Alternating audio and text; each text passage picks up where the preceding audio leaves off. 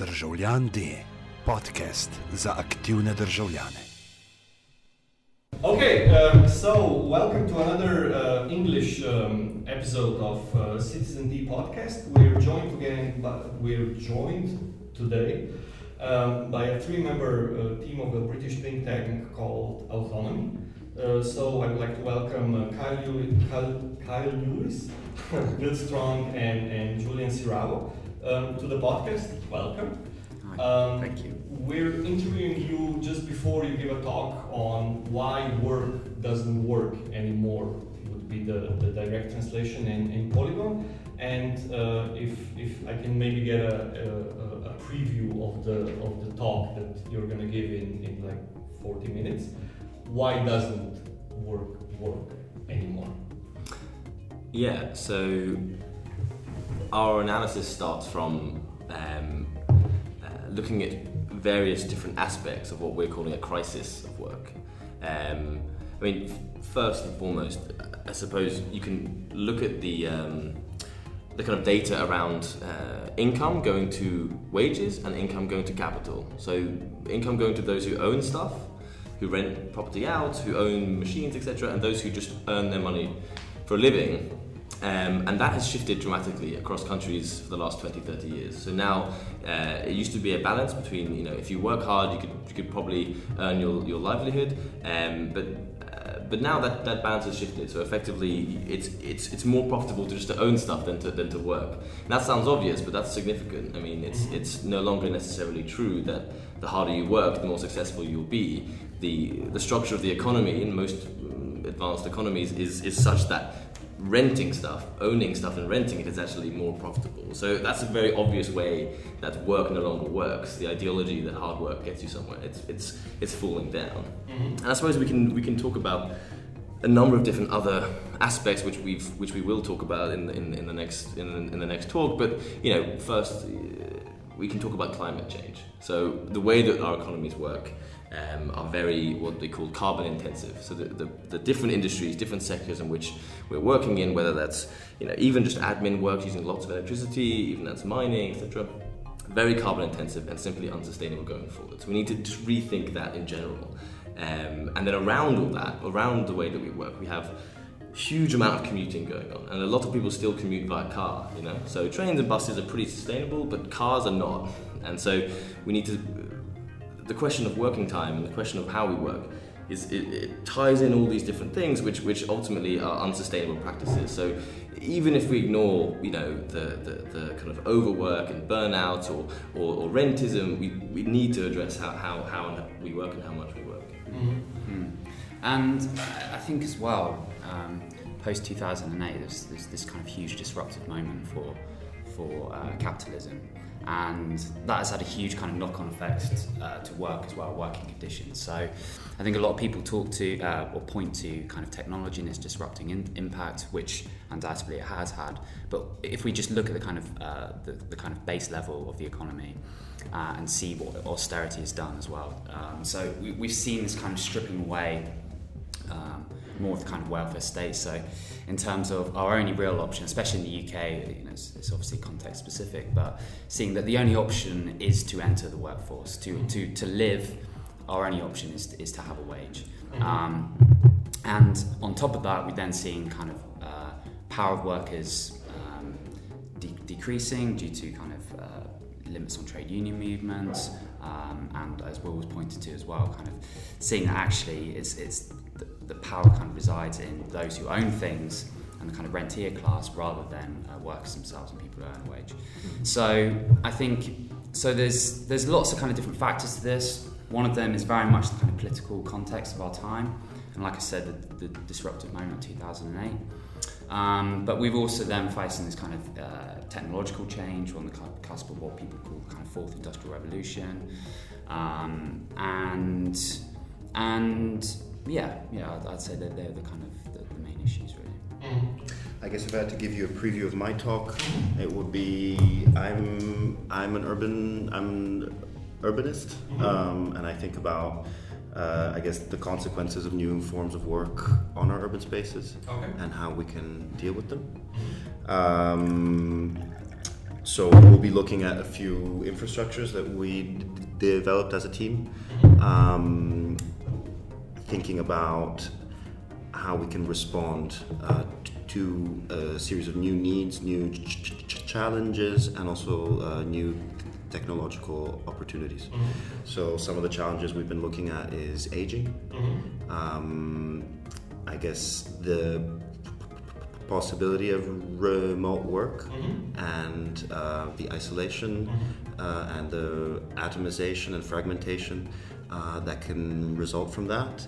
Um, we we also look at um, how, for example, p- p- platforms have been uh, fragmenting the workforce, stitching to g- g- together um, a series of low-tech p- p- p- processes, um, sort of uh, eliminating the need uh, for large-scale investment in long-term p- p- p- p- projects and infrastructure. I think there's, there's one thing actually I think is interesting about what Julian just said about atomization because I think for decades, you know, we, we can see what's good about work, which is basically socialization, you meet new people, you have like a new social life. Perhaps your family life isn't so good, so you, you can it's, a- it's a place to hopefully meet nice new people, friends, etc.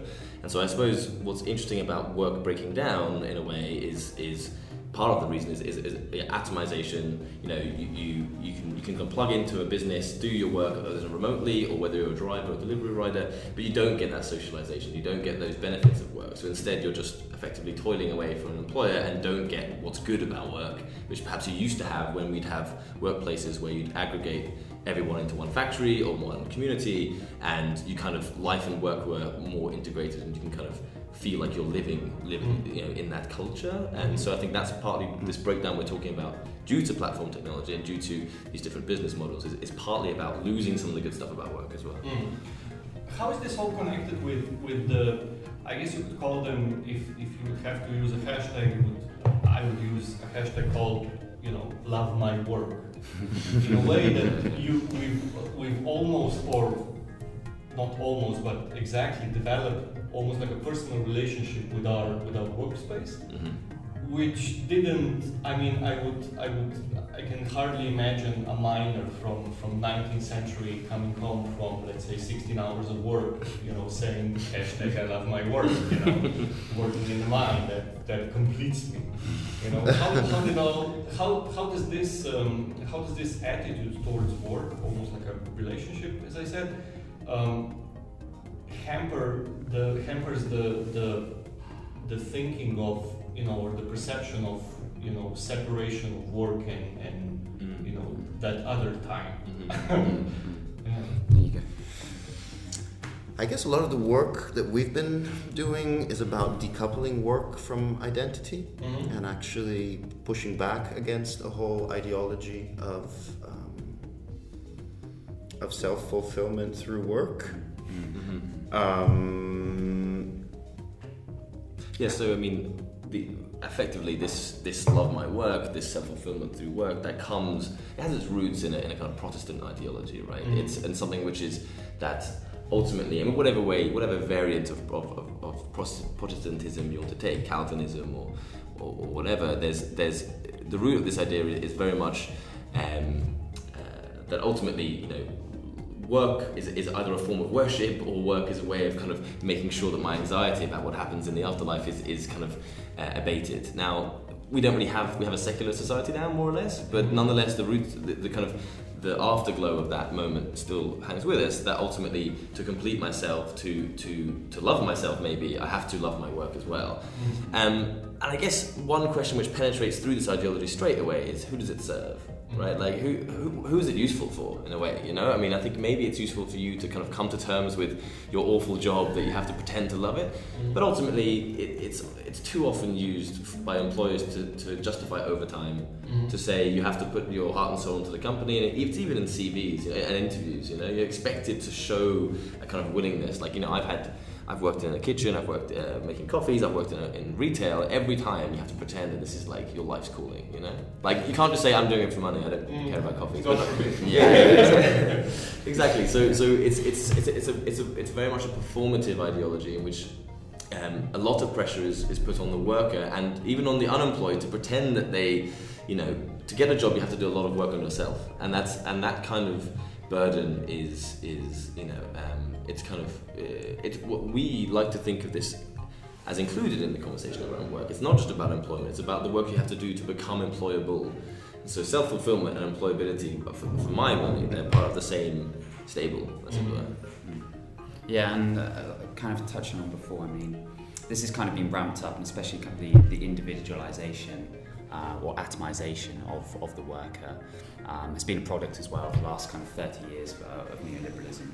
And you see more and more um, the idea that it's it's it's on you as an individual. There, there is no other option in terms of um, the, the world of, uh, of work. Uh, in kind of encompasses everything. It's, it's who you are, and it's created this this kind of sense of uh, the entrepreneurial self. Um, I think Eva was telling me a statistic where. Um, think it's 60 percent of uh, Americans believe that at some point in their life they will be millionaires, and again, it's this kind of this reinforcing that it's it's on you to make it, and you will make it. If you try hard enough and you work hard enough, you you will get there. Um, which which we know to, just not to be the case, and you see this kind of this ideology of self-help, that's kind of that's come along with this as well. You know, the kind of Jordan Petersons of this world, Twelve Rules to Life, The Secret, all this kind of stuff. You can just find your true, authentic self, who you are. You can make it. You can be a success. Um, and we've kind of completely lost the idea of of work being kind of rooted in the social fabric of society and, it- and it being a kind of communal activity that brings people together, you know. And it doesn't necessarily have to define you as who you are. You know? There is a life outside of work, you know. Um, we, we, we were at a conference, uh, the Labour Shadow Chancellor was talking about, you know, um, he's kind of you know, quite on board with these ideas and talking about like, you know, how we, we used to work to live and now we live to work. And it's, it's, it's yeah, there's something quite very prominent in that. Work seems to be all pervading now.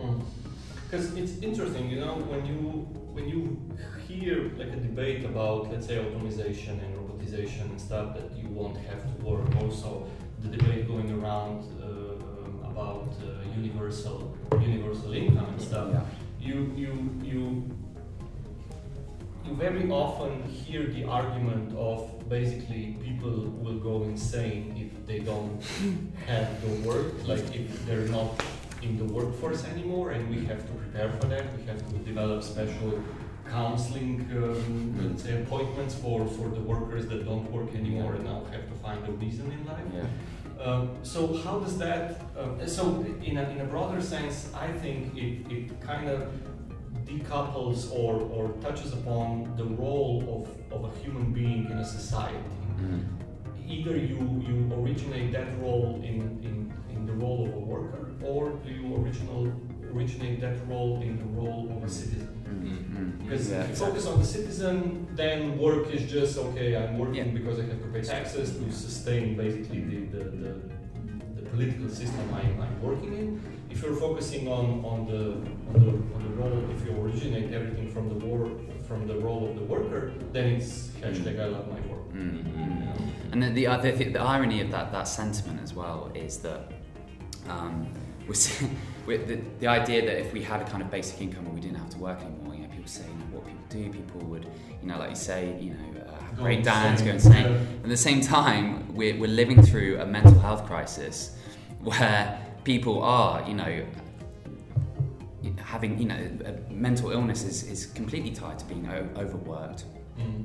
um, your job having no meaning, these kind of things.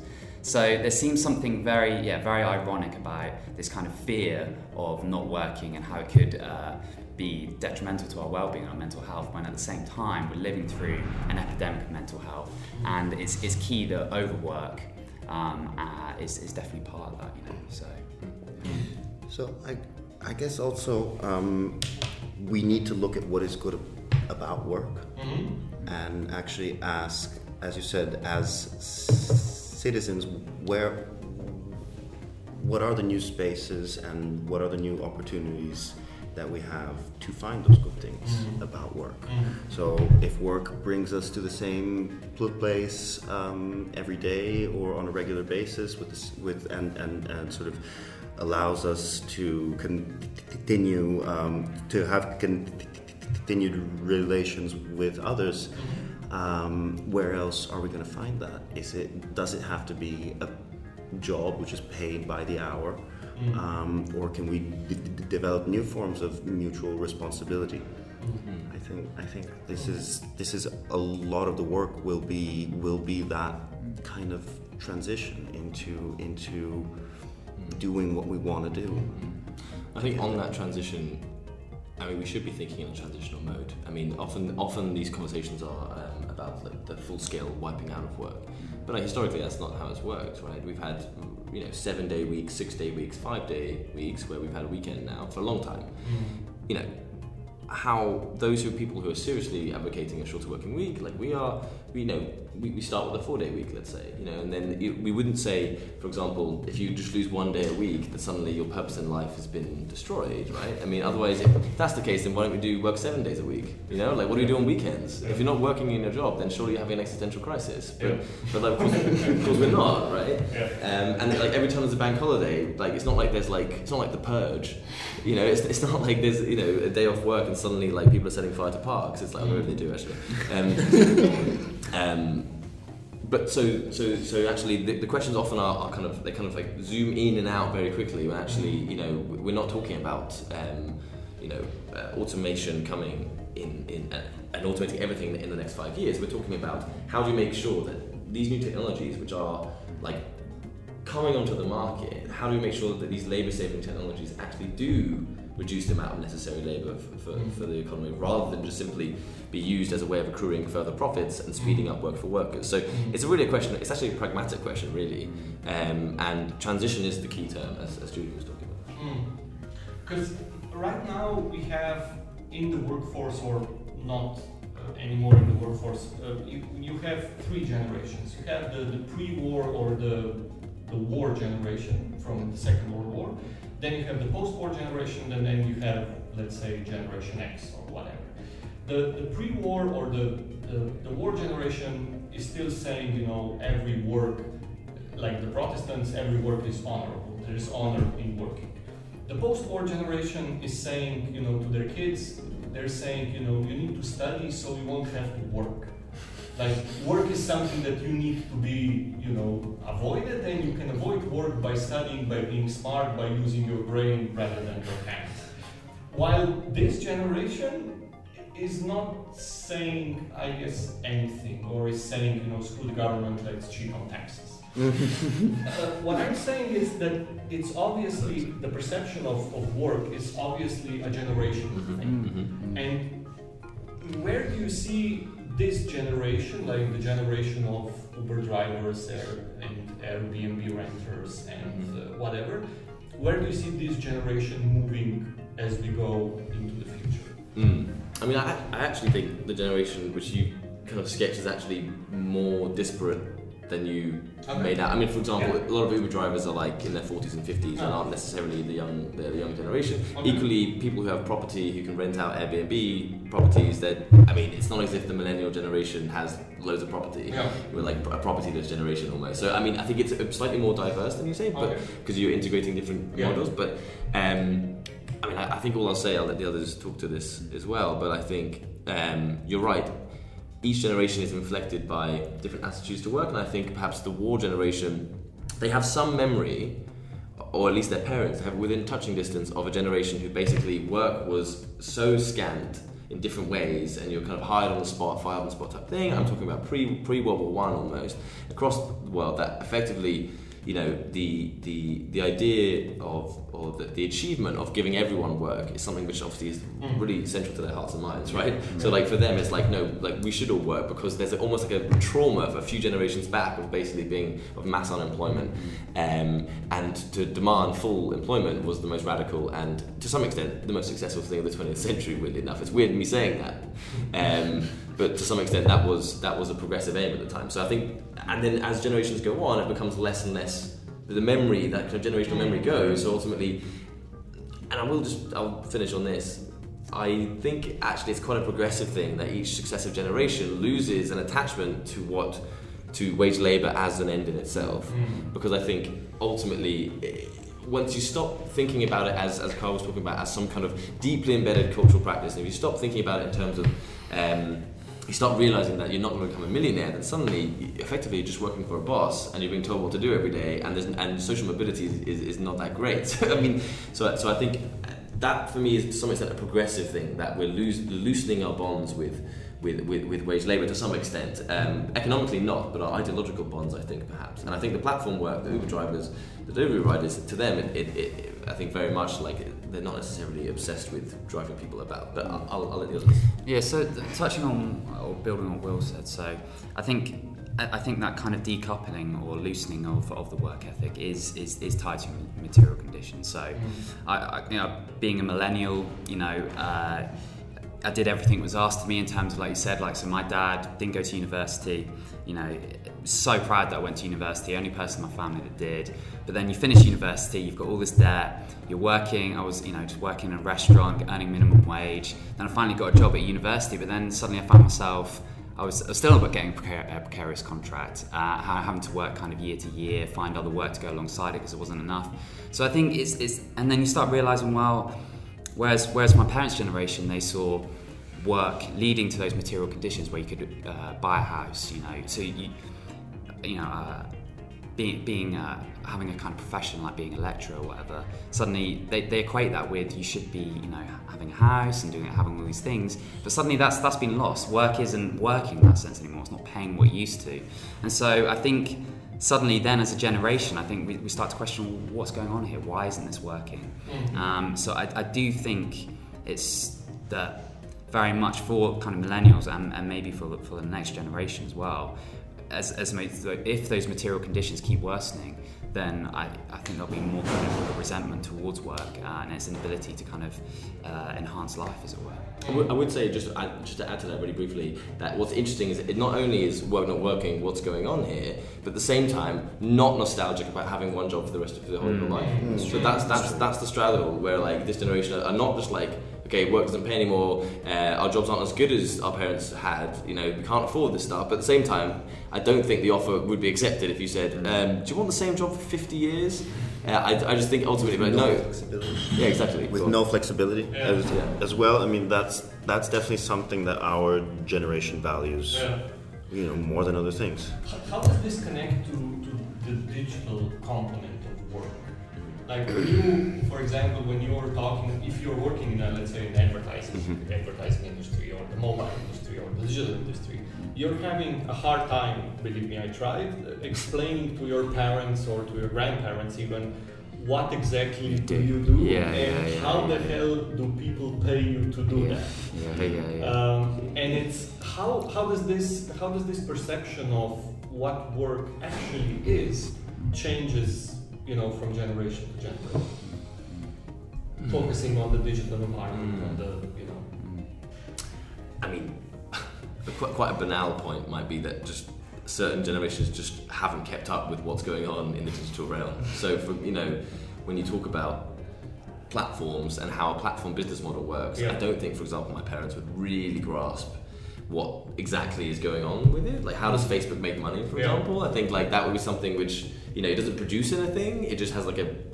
infrastructure. You know what I mean? And and and so I think part of it, the generational gap is is understanding how exactly that works. And I think Kyle Kyle touched on something in, quite interesting is that the way people work, you know, for example, if you're a delivery rider or an Uber driver, you're counted as self-employed, right? And and your parents would be like, no, but you work for Uber. No, no, no, I am self-employed, and like that's again another clash of like what used to be a model where you have an employer, you have a boss, and you, you know, in the, in those situations, um, you know, the, the, these these these twisted forms of employment are, are, are definitely to some extent a bit of a black box for, for certain generations. I mean, and it, it does depend. Um, anything to say? Um, I mean, does it does it help or does it um, maybe does it work against when you're trying to to establish yourself in the in the digital labor community? um, as opposed to you know seeing how the digital labor community, the developers, the Airbnb renters, the Uber drivers, the mm. what have you, have almost none of the political representation other workers have. Like you don't have a developers union or a Yeah, union yeah. of a designers or Yeah, yeah, yeah. whatever. They, they, they, This this this has a lot to do with the deterritorialization Mm-hmm. issue at, at, at the core of, of a lot of this work. Um, so I guess yes, the opportunity to not to the lack of an of the opportunity to meet and discuss working conditions mm. is, is massive.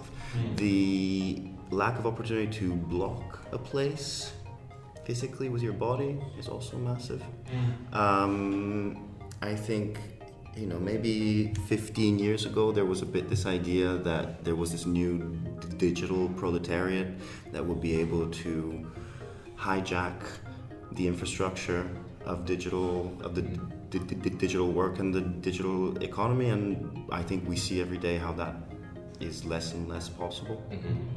Um, so I I actually see a true opportunity in re-territorializing um, these forms of labor and actually seeing seeing uh, are the only two options the office and the home.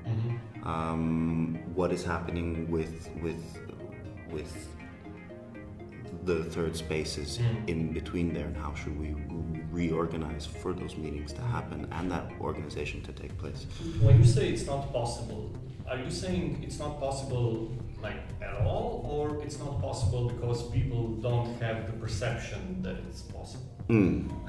I think you probably know a lot more about that, about the possibilities um, than I do. I mean, platforms like Amazon and other like it's both those things I think mm. because the, the platforms go out their way to make sure that workers, do, particularly doing, for example, task workers, mm. don't know each other, can't mm. find each other. Um, but also that you can do it from the safety of your own home or the, whatever, the, the isolation of your own home. So that ultimately, you know, th- there's not an incentive. You don't clock in, see your buddy doing all other task work and being like, "This is tough," right? Instead, you're just like, "I've got to do this thing in my own isolated space." So on the one hand, the platforms actively work against you talking, but also, you know, there's there- there- there's no the, the conditions of those the working conditions are often not conducive to you like you know effectively just leaning over and talking to your to your workmate or whatever. But I think there's one thing I thought would be interesting to talk about or at least mention is that um, there's two things. One is that you know to some extent um, capitalism has always worked by having a certain labor aristocracy so, so you can, so for example, software engineers in, uh, in Silicon Valley are paid a great deal, and their work conditions are incredible, and they're purposely kept, you know, things like the Tech Workers Coalition, which is a, which is to some extent organised workers in, uh, of this of this type. They are trying to link them with the cleaners in the building, but it's actually really hard. So like it's separating that out and having a labour aristocracy who are very happy you know, um, well, relatively happy, I don't know, you know what I mean? Um, um, that's part of the function of, of, of, of what it means, you know, the, the politics of digital digital work. Um, uh, I can't remember, I was going to say but I can't remember. No, I mean, I'm. I would. I would like to answer the question about about um, you know whether you can block and sabotage within a purely digital realm on a on a large scale to achieve. Because you had Labor some, goals? Because you had some, let's say, examples. You know, you had the, the Uber strike. You Mm. had like Mm. every time, uh, every time before the Black Friday, the Amazon goes on strike Mm. and Mm. stuff Yeah, like yeah. that. But That's those- emerging, you're right. You're Yeah, but those things are they effective, or should we think about new practices of striking of labor rights in the digital environment that Mm. didn't maybe exist in the let's say the physical Mm. Mm. I mean, to some extent, the old school way. I mean, maybe the first step is to, to, to, to try the tried and tested. So, like those things, for example, like I think you know some of our one research affiliate called Callum Cant is is now talking a lot about how these things are becoming more coordinated. Supply Amazon supply chains, um, or like as you say, Black Friday mass. Yeah, across, like a global Black Friday strike, things like that. They, they, you know, I guess the first step would be to get these practices in place regularly and to show that actually we can do traditional organising, and then maybe we can think about more innovative ways of of, of breaking the um, let's say the digital realm. But at the same time, that's, that's I mean a lot of that is just you have to get to the pipes, you know. like, like you have to like get into heavily quite heavily guarded internet pipes. Um, but there's other I mean there's digital tools as well. One- Maybe provocative, maybe develop a new platform for striking. Hmm. Strikeforce. um, Strikeforce.com. Yes, yeah. No, I think I mean, and one other thing about garnering consent from the digital community, particularly those who are developers, for example, is that I mean, our friend um, and team member at Autonomy, Maria, will always say that she's a developer herself, programmer as well, is that basically anyone from the uh, DIY community, which perhaps was once this, you know, part of this, what was called the digital proletariat, or these kind of digital activists, mm-hmm. anyone who creates a new thing, whether it's a mm-hmm. new algorithm or a new piece of software, they should get bought up by Google, mm-hmm. or not even bought. Sometimes they give it to Google because it's almost a badge of honor. Some of these communities are like that, where if you can develop something which is so cool that Google will use it, that's almost like part of a like, hey, I've, I've, I've made it type thing, and and and that's so the thing is, there's ways in which these platforms, you know, some of the best and brightest who, who know how to navigate around can effectively be either bought or, or, or subsumed in different ways. And that's that's the power of, of these kind of the big five, as it were, Facebook, Amazon, Alphabet, Apple, mm. etc., who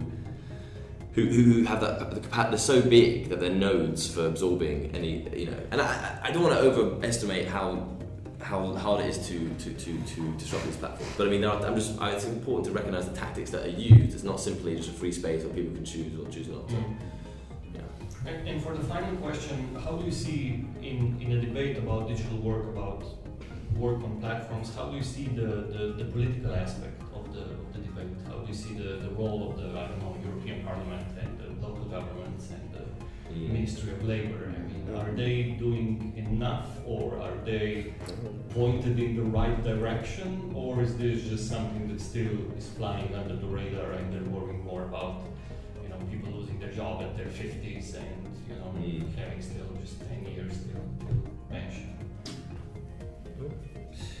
Well, I mean, I guess in terms of what local administrations can do, um, at least some of the work I've been doing uh, deals with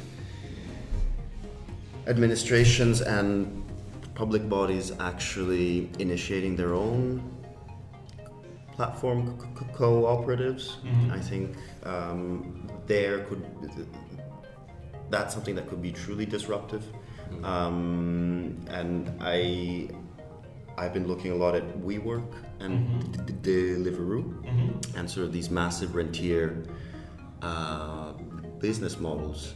Um, actually, I think there's a lot of promise there in terms of providing space as a service, Mm-hmm. um, and that simply private companies like WeWork and Deliveroo have no business doing that, and that um, local administrations are in a very good position to become that kind of landlord themselves and actually keep um, keep value in c- c- communities where c- currently these platforms are mm, have have a, have a mainly extractive p- presence. Mhm. okay but what's the what's the thing that's missing in the political discussion right now or what's the thing that mi- is missing the most for Mm. example is it is it lack of awareness from the politicians is it not uh, la- I mean the quiet community that still thinks that you know that kind of work is okay or is even you know honorable and respected Yeah, so I think, I mean, there's probably a little bit of, of this old ideology that any job's a good job, so whatever, we're creating employment, they're not Yeah. unemployed, whatever. But I think to, to follow on what Julian was saying, um, I think like there's two things. One, things like Deliveroo and Uber, when you're talking about labor law, often it's just not not enforcing it. So every time that you find, like most in the UK, for example, other countries it's different, but when you get to the court case and there's actually being uh, a, a, a prosecution being brought to or a charge being brought to bear, then Uber lose because the judge says you're clearly these clearly people these people work for you. They're not self-employed. Therefore you need to give them sick pay etc etc it just costs a lot of money to get there. So a lot of it's just not enforcing the law. Mhm. that's what the unions in the UK like IWGB and other unions just keep saying. Like you know when I talked to them and said what can we do? They said we'll just enforce the law. That's really basically it. On the one hand. On the other hand um, I think this is basically what Julian was was alluding to is that you know the platform model there's been a it doesn't seem to be that much um, discussion about like how do the question of how do we regulate these models you know it doesn't seem that local uh, particularly we're talking about the UK like the government government legislation it doesn't. There's not a direction of okay, here's the new type of business model. Here's how we should use it. Here's how we could use it. You know, some of these models aren't even being taxed properly. So Amazon and Google pay very little tax because you know tax havens, etc., etc. Ireland, basically, and and and so uh, either slow to move or intimidated basically. So often, eh, for example, in the US, Apple Apple a couple times has said we're going to pay this much tax. And the US are like, okay, like so. There's intimidation. There's slow to move, and I think actually this, this is where some of Julian's research has been leading is to actually this is not just let's just like abolish the platforms because they're not like the work we used to, but actually there's an opportunity here to use some of their models but change the ownership of them to make sure that people can still get a really good service. They can still use some of these some of these um, yeah these services, but but ultimately it's now for the public good, not just for for WeWork or for Deliveroo, etc. And some of these companies, you know, aren't that aren't that great companies in terms of success anyway. So so, mm. so it's not a loss if we lose them. Mm. Yeah, there, there, needs to be a joining up. That first step, uh, step of the process, as we were saying, is you know we need the need to actually confront these powerful corporations uh, and actually enforce regulation that's there. And then the next step is thinking about you know. Ha- actually having uh, a state or having a political party actually understand this kind of new this new political economy. Mm-hmm. Um, and and then, like you said, it's it's about there's there's an opportunity to be an entrepreneurial state to use these kind of digital technologies to create um, kind of commons uh, that linked up. You know, that when remember was um, when Uber had lost their license in London. Mm-hmm. Um, for a short period, and then they it's, it's got overturned. But you know, there's real talk about why don't why don't uh, Transport for London set up their own um, taxi service? You know, they've got the, this incredible infrastructure. Uh, they can pay their, the workers correct, correctly, and this could be actually filtered back into the, the public commons of London. You know, so there needs to be more thinking in that direction. You know, um, and not not just kind of seeing the technology and these companies as as just being bad in themselves with any technology, it's how you use it, and that's the key question. And um, there's there's possibilities there just as much as there is, you know, threats. Okay, uh, we're gonna wrap it up. Uh, thanks to the. Uh, um, three musketeers, uh, three musketeers of the of the autonomy think tank. Um, we're going to record your, your talk as well, so uh, we'll attach a link to, to this podcast. Uh, this has been uh, Citizen D, and uh, we'll talk to you hopefully next month. Thank you. Thank you. Thank you.